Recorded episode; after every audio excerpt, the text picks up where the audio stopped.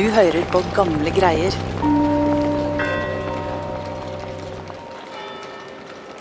I 1898 vender kunstmaleren og forfatteren Christian Krogh hjem fra Paris til Kristiania. Men når han går i land, blir han angivelig usikker på om han faktisk har kommet hjem. For byen er ikke til å kjenne igjen. Christian Krogh skriver. Fra Nordsjøens store stillhet og tomhet steg jeg til sist i land og gikk like opp i Karl Johans gate. Og det var jo nesten som på selve boulevarden. Slik hadde det ikke vært de andre gangene jeg kom hjem. Hva kunne det komme av?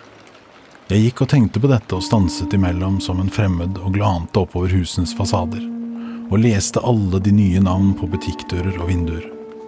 Og mekanisk dreide jeg, som jeg alltid tidligere har gjort, inn på Grang, men ble straks stående og så meg forbauset om til høyre og venstre.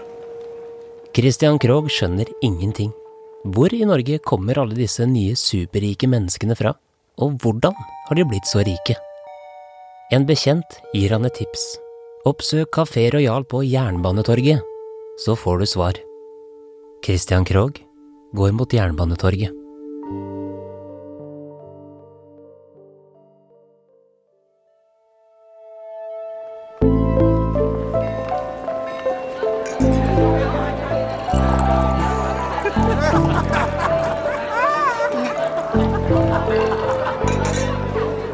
Kafé Royal møtes byens nye rikinger hver dag, fra klokken 12 til 14.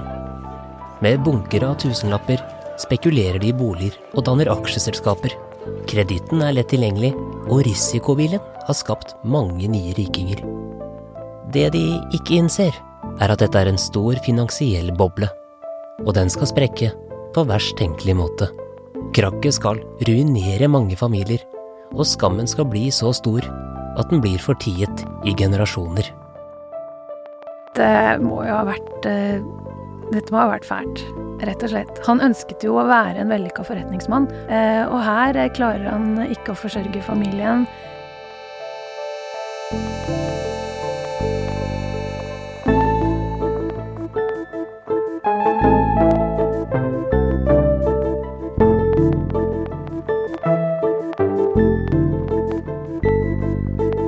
Velkommen til Gamle greier, podkasten hvor vi her på Nasjonalbiblioteket gir deg historier fra samlingen vår. Mitt navn er Lars Hamren Risberg.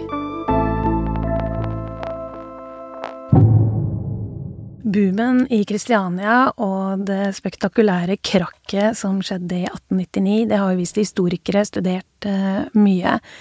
Men jeg har ofte lurt på enkeltmenneskene som ble ramma av dette. Og helt tilfeldig så viste det seg at uh, der fant jeg spor i min egen uh, familie. Gunhild Ekelund, historiker og sagprosaforfatter. Det begynte med at jeg arva en koffert etter farmoren min, en sånn brun, gammel skinnkoffert, hvor hun hadde samla alle mulige viktige ting gjennom livet, og der var det sånne attester, uh, bunker av brev og masse gamle fotografier. Et av dem var et familieportrett av en far, en mor, og seks barn i sin fineste stas hos eh, fotografen. Eh, jeg spurte faren min, eh, og han kunne fortelle at dette var mine oldeforeldre. Han visste ikke noe særlig mer, men da jeg begynte å se nærmere på dette, så viste det seg at faren på bildet, han var en av eiendomsspekulantene. Kristen Lyngås var med på boomen på slutten av 1890-tallet, og da dette bildet ble tatt, så ser det jo bra ut, men i virkeligheten var familien hardt ramma av krakket og i en veldig alvorlig situasjon. Og hva det var, skal vi komme tilbake til eh, senere, men la oss starte eh, nå helt fra begynnelsen her. Hva er bakgrunnshistorien til eh, familien Lingås? Som veldig mange andre som kom til byen for å være med på den boomen som var i gang, så hadde begge de voksne i Lyngås-familien bondebakgrunn. Kristen Lyngås han eh, var født på en gård i Ramnes i Vestfold. Han var eldstegutt og skulle egentlig ta over gården, men eh, faren hans døde tidlig, og moren måtte gi fra seg gården til broren sin. Så med en gang Kristen var konfirmert, så flytta han hjemmefra, 15 år gammel, til nærmeste by, som var Tønsberg. Og der begynte han en livslang karriere innen salg. Han begynte som handelsbetjent, og til slutt så starta han sin egen eh, landhandel i eh, Skotselv. Og på veien her et sted så møtte han Gina Horne. Hun var eldstedatter på en av de største og rikeste gårdene i Øvre Eiker. Og da de traff hverandre, må det ha gått liksom hett og fort, fordi da de to flytta til Kristiania i 1890, så var de nygift, og Gina var høygravid. I motsetning til mange som flytta til Kristiania på denne tida, begynte ikke Gina og Kristen å jobbe på fabrikk. I stedet ble de en av de små og selvstendig næringsdrivende i byen. Eh, de dro til Åkebergveien eh, på Grønland for å drive kolonial.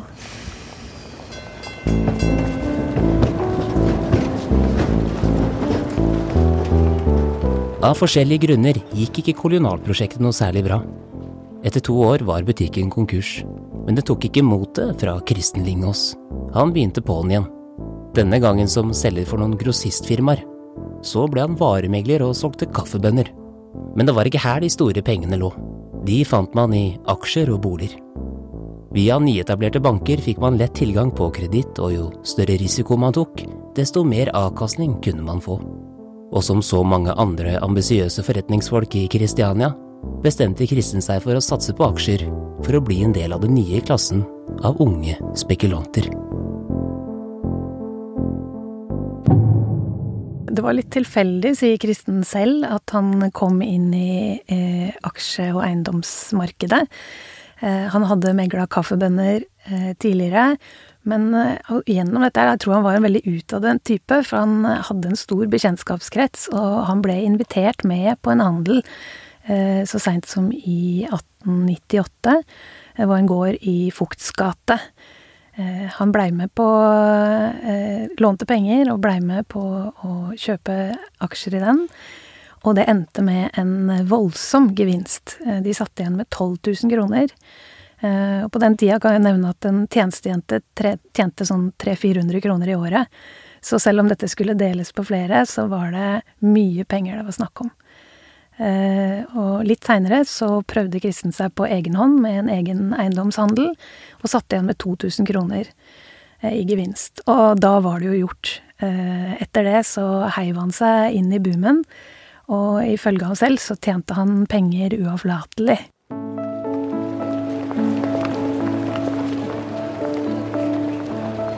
Den voldsomme omsetningen av eiendom og aksjer foregår på kafeer og gatehjørner. Med lave renter, lønninger som vokser og lett kredittilgang strømmer det nye forretningsfolk til byen, og den økonomiske aktiviteten tar av.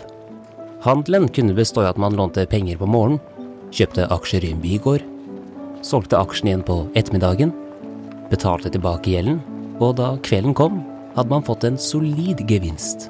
Og det var på Kafé Royal hvor denne pengefesten var verst. Selv om byen hadde en offisiell børs fra før, ble Kafé Royal omtalt som den egentlige børs.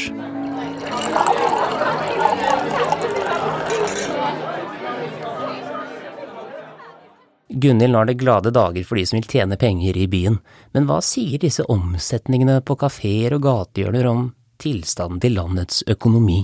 På det her tidspunktet så er verdiene fullstendig løsrevet fra det underliggende og det er blitt et sånn type pyramidespill som er helt avhengig av eh, at det kommer friske penger inn. Og veldig mye av pengene som kom inn, de var eh, lån. Altså det var gjelds, en gjeldsfinansiert eh, bonanza vi var vitne til her. Kristin gjør det jo svært godt i dette pyramidespillet, da. Han tjener jo masse penger og kjøper eiendom, så hva er egentlig problemet for han og familien? Kommer ikke disse pengene eh, ungene og ikke minst Gina til gode? Ja, etter at uh, kolonialen gikk konkurs, så var Gina hjemmeværende. Uh, og det var ikke lite hun hadde å stri med. Hun fikk jo barn nesten hvert eneste år. Uh, de fikk veldig mange barn. Det var selv om kristen tjente mye penger, så er det ikke sikkert at den familien så så mye til det. For denne forretningsvirksomheten til kristen, den foregikk jo ute på pub, for å si det sånn. Eh, pengene gikk ut igjen, ikke bare til investeringer, men også til drikk og svir. Så selv om det var mye penger i omløp, så er det uvisst hvor mye som havnet hos Gina. Eh, jeg tror de fikk det bedre etter hvert, men uansett så var Gina i en sårbar situasjon. For da de dreiv kolonialen, så kunne hun være med og påvirke familieøkonomien ved å stå på i butikken, men nå var hun helt avhengig av kristens inntekter.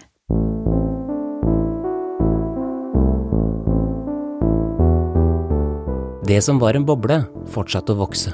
Flere kritikere var direkte bekymret for hvor staten ble av. I næringslivsavisen Farmann ba journalist Einar Sundt Norges Bank om å dra i nødbremsen og heve renta. Den sterkeste advarselen kom vinteren 1898. Vi må på det alvorligste advare utenforstående publikum som enda mindre enn forretningsmennene kan vurdere situasjonen, til ikke å la seg rive med virvelvinden.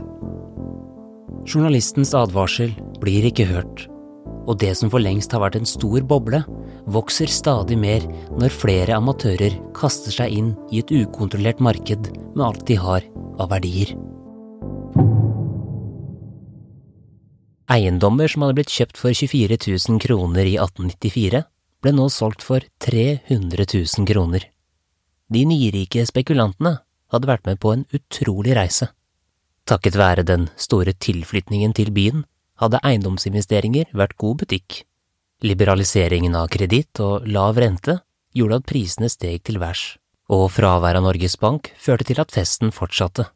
Men sommeren i 1899 var det over.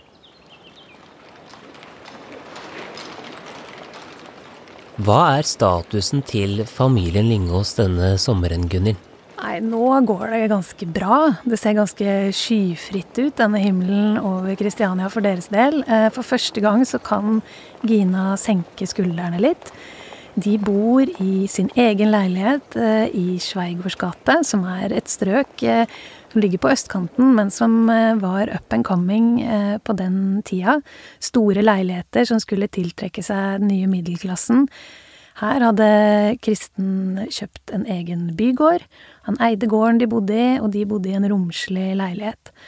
Og denne sommeren så tilbrakte Gina og barna ute på Jan ved Nordstrand, der det var store eh, villaer og fritidsboliger. Typisk for middelklassen og de velstående på den tida var at de hadde liksom De dro kone og barn, dro på landet om sommeren, mens far eh, pendlet inn til byen. Og Kristen han eh, kom inn fra eh, ut til familien på landet med kusk og egen vogn. Det høres ut som en skikkelig storkar, dette her. Ja, tilsynelatende. De lever i hvert fall den livsførselen. Men han eide jo ikke den villaen de bodde i selv. Det var en deal han hadde fått gjort. Han skulle selge dette huset for noen, og så fikk de bo der om sommeren. Men de tillegger seg liksom en middelklasse livsstil eh, her. Og det er jo mange som går rundt og ser ut til å være storkarer i Kristiania på denne tida. Eh, men det er jo et eh, skjørt eh, eh, fundament de har bygget eh, velstanden sin på. For de fleste har jo lånt veldig mye penger. Og det gjelder jo også kristen. Så velstanden familien opplevde, var helt avhengig av at boomen fortsatte. Men eh, sommeren 1899 så kommer krakket.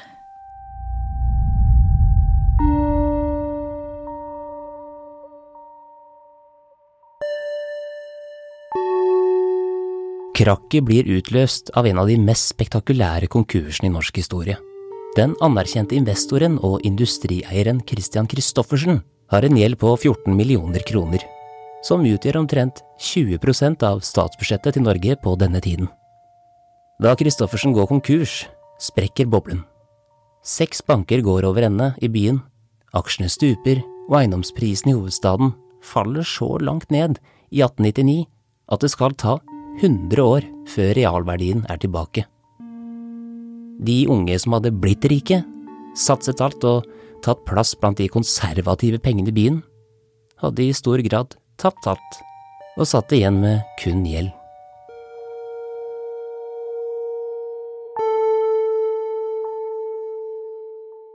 Krakket kommer, Gunhild, og for familien Lingås eh, ser det ut som eh, alt går sin gang, hvis man kun ser på det familiefotografiet som du har foran deg.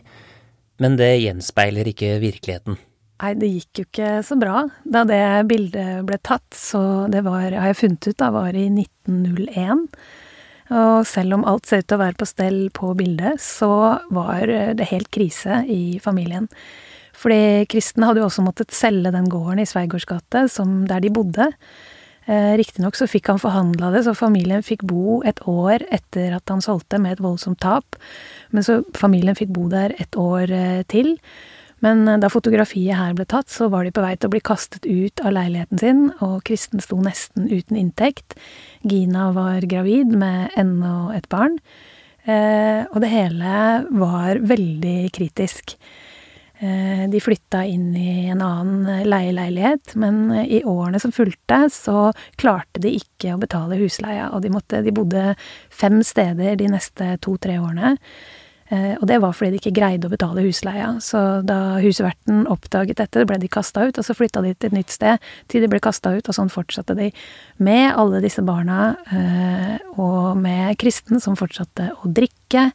Og det var helt det var rett og slett helt krise.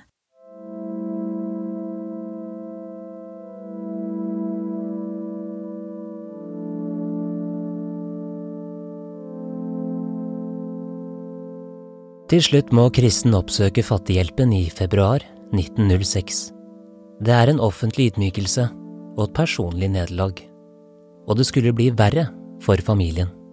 Senere oppdager myndighetene at Kristen har tatt snarveier i forretningslivet. Han får en dom på fire måneder i fengsel. Utenfor fengselsmurene står nå Gina alene med ungene. For Gina og barna betydde dette fire måneder uten inntekt, og situasjonen for dem ble helt kritisk. Eh, kort fortalt så ble Gina nødt til å sende bort noen av barna sine. To sønner sendte hun til slektninger på landet, og eh, den eldste datteren sin, som bare var elleve år gammel, ble sendt alene til Amerika, til Ginas søster som bodde der. Jeg må stille et spørsmål, selv om svaret er jo ganske åpenbart, men jeg må bare høre det fra deg. Hvordan tror du dette her eh, må ha vært for Kristin? Altså, han starter som en ambisiøs, ung forretningsmann, får motgang, men gir seg ikke, og klarer å bygge seg opp Eh, en formue på tross av gjelden, og så bare rakner alt sammen, og han ender i fengsel, og eh, familien blir splittet i en periode. Hvordan tror du det gikk innpå han? Nei, dette må jo ha vært Dette må ha vært fælt, rett og slett. Han ønsket jo å være en vellykka forretningsmann, og han hadde jo smakt på, smakt på den kaka, liksom. Han hadde jo lykkes en stund. Eh, og her eh, klarer han ikke å forsørge familien. Eh, han får ikke fart, han får ikke i gang handelen. Han må gå liksom til dette fattighjelpskontoret hvor det nesten bare er arbeidere. 80 av dem som fikk fattighjelp, var arbeidere. Han må bli en av dem og gå og be om økonomisk hjelp fra det offentlige. Kristiania-krakket rammet jo veldig hardt veldig mange lag av befolkningen. Eh, nettopp det der at eh, aksjene ble omsatt på gata og på kafeer, gjorde at eh, veldig, hvem som helst egentlig kunne bli med på oppturen. Så det er jo historier om arbeidere og enker og folk som ikke har eh, innsikt i økonomi i det hele tatt, som ble med på boomen. Og de kom seg jo ikke ut i tide ble ramma av krakket. Sånn at det, i veldig mange lag av folket, og i veldig mange familier, så vil det være historier eh, om hvordan krakket ramma, som ingen vet noe om. Mange av disse historiene er nok glemt, for det er mye skam knytta til eh, konkurser og økonomisk elendighet. Men eh, det fins nok muligheter til å grave i historien hvis familien din eh, bodde i Oslo rundt eh, århundreskiftet 1900.